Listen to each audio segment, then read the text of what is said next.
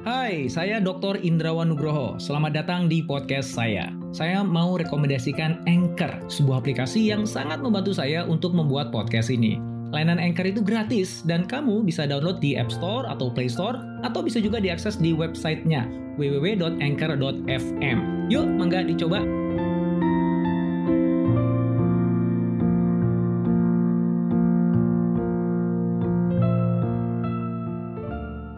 Ada pertanyaan yang masuk ke saya dan pertanyaannya menarik. Gimana caranya meyakinkan leader yang old school? Cara berpikirnya masih kuno menurut dia. Yang mana dalam pandangannya kalau satu tim itu kinerjanya mau naik atau sebuah usaha itu ingin bertumbuh maka ya kita harus punya banyak karyawan, timnya ditambah gitu. Dan harus ngantor di kantor gitu. Dan kita harus punya cabang di mana-mana gitu untuk ekspansinya gitu. Padahal kan nggak harus gitu menurut yang nanya nih.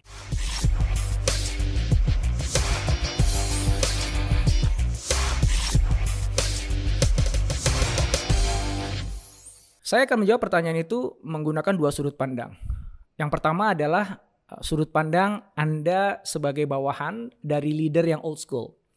Sudut pandang kedua adalah Anda pemilik usaha yang kebetulan salah satu leader di usaha Anda itu old school gitu. Nanti Anda bisa terapkan sesuai dengan situasi Anda ya.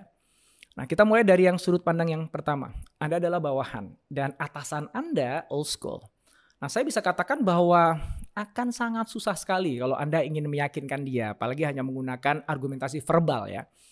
Untuk dia mengubah pola pikirnya dia, cara pandangnya dia, bagaimana dia ngelola timnya. Kenapa? Karena pengalaman masa lalunya mendikte dia bahwa memang cara yang sudah terbukti berhasil untuk menaikkan kinerja tim adalah dengan nambah orang gitu. Untuk supaya memastikan bahwa kerjaan itu beres ya ada di kantor supaya dia bisa monitor langsung gitu. Bahwa kalau kita ingin menjangkau uh, area yang lebih luas ya harus punya cabang. Maka mungkin akan sangat-sangat susah sampai kemudian Anda akhirnya nyerah sendiri untuk meyakinkan bersangkutan. Nah, jadi gimana caranya kalau Anda tetap ingin ingin membuka mata dia gitu supaya bisa lebih progresif lah mikirnya.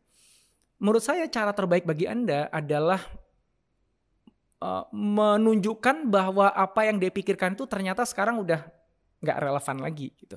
Dan caranya bukannya dengan argumentasi verbal Anda kepada dia. Caranya adalah dengan nunjukin langsung kepada dia. Jadi misalnya begini, Anda coba cari deh uh, di departemen lain di perusahaan Anda atau di divisi lain gitu yang ternyata atasannya ini lebih progresif gitu. Jadi dia bisa naikin kinerja, outputnya lebih banyak, tapi timnya kok malah lebih sedikit gitu. Dan dia lebih lebih lebih fleksibel urusan jam kerja, nggak harus ada di kantor gitu. Bahkan ketika dia ingin menjangkau geografis yang lebih luas, dia gunakan teknologi digital, bukan malah sibuk ngebangun apa eh, cabang lah gitu, rep di banyak tempat gitu. Hai, sebelum kita lanjut podcastnya, kamu sudah pernah dengar Anchor kan? Anchor adalah all-in-one podcast editing platform yang saya gunakan untuk rekaman, edit suara, tambah lagu, dan semua hal dalam pembuatan podcast yang sedang kamu dengerin ini. Anchor bisa membantu kamu bikin podcast kamu sendiri loh. Caranya gampang, tinggal download dari App Store atau Play Store, atau bisa juga diakses di www.anchor.fm. Download Anchor sekarang ya. Nah, ajak dia untuk menemukan itu, untuk ngelihat itu gitu. Wah Pak, ternyata di tim sana itu menarik ya Pak ya dia tuh ternyata bisa dua kali pak outputnya pak dibandingkan sebelumnya dengan tim yang separuhnya kita pak ya. Kok bisa ya pak ya gitu. Kenapa pak kira-kira pak ya? malah kita bukan ngasih tahu dia malah kita nanya kepada dia gitu. Itu pak kok di sana bisa bebas ya pak ya um, timnya itu nggak harus ngantor dan ternyata saya tanya sama teman-teman di sana kerjanya semuanya beres pak. Itu apa rahasianya ya Pak ya gitu. Nah pertanyaan yang kita ajukan itu memancing dia kan dia nggak tahu jawabannya nih gitu ya. Dia kan cari tahu kan. Akhirnya dia ngobrol lah sama orang itu atau ngobrol sama orang lain yang ngetahuin itu gitu. Nah kalau misalnya di perusahaan anda nggak ada yang kayak gitu, lihat di perusahaan lain lah, perusahaan tetangga gitu, yang yang memperlakukan cara kerja yang lebih progresif gitu. Lakukan hal yang sama, Pak, kok di perusahaan sana bisa apa ya gitu. Kalau bisa yang anda jadikan apa contoh tadi itu adalah orang yang sudah dia kenal gitu. Misalnya departemen yang lain yang mungkin satu angkatan dengan dia, yang juga sama-sama senior kayak dia gitu. Uh, dan di respect sama dia gitu. Di perusahaan lain juga gitu, yang kebetulan dia kenal dan dia respect gitu. Sehingga dia akan tergerak untuk cari tahu gitu. Paling nggak atas dasar penasaran aja gitu. Dan dari situ saya yakin akan mulai terbuka itu. iya ya kok bisa ya, kok bisa ya. Nah begitu dia udah mulai kebuka tuh, kok bisa ya.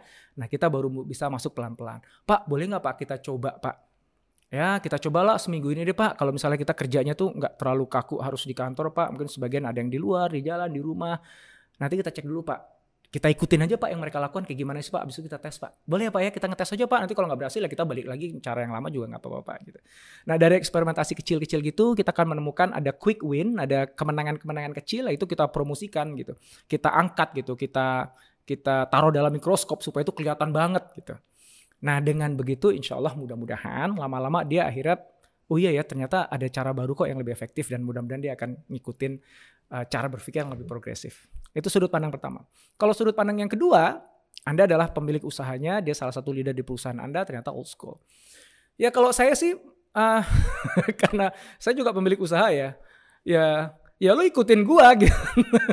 um, tentu saja nggak secara um, apa ya uh, uh, drastis kayak gitulah. Tetap aja kita harus memanusiakan dia, mendudukkan dia pada tempatnya. Ya paling nggak saya bisa bilang, tolong deh coba lihat di luar sana deh. Teman-teman kita itu ternyata yang perusahaan sejenis dengan kita itu udah mengubah pola kerjanya jadi seperti ini nih. Dan ternyata mereka berhasil.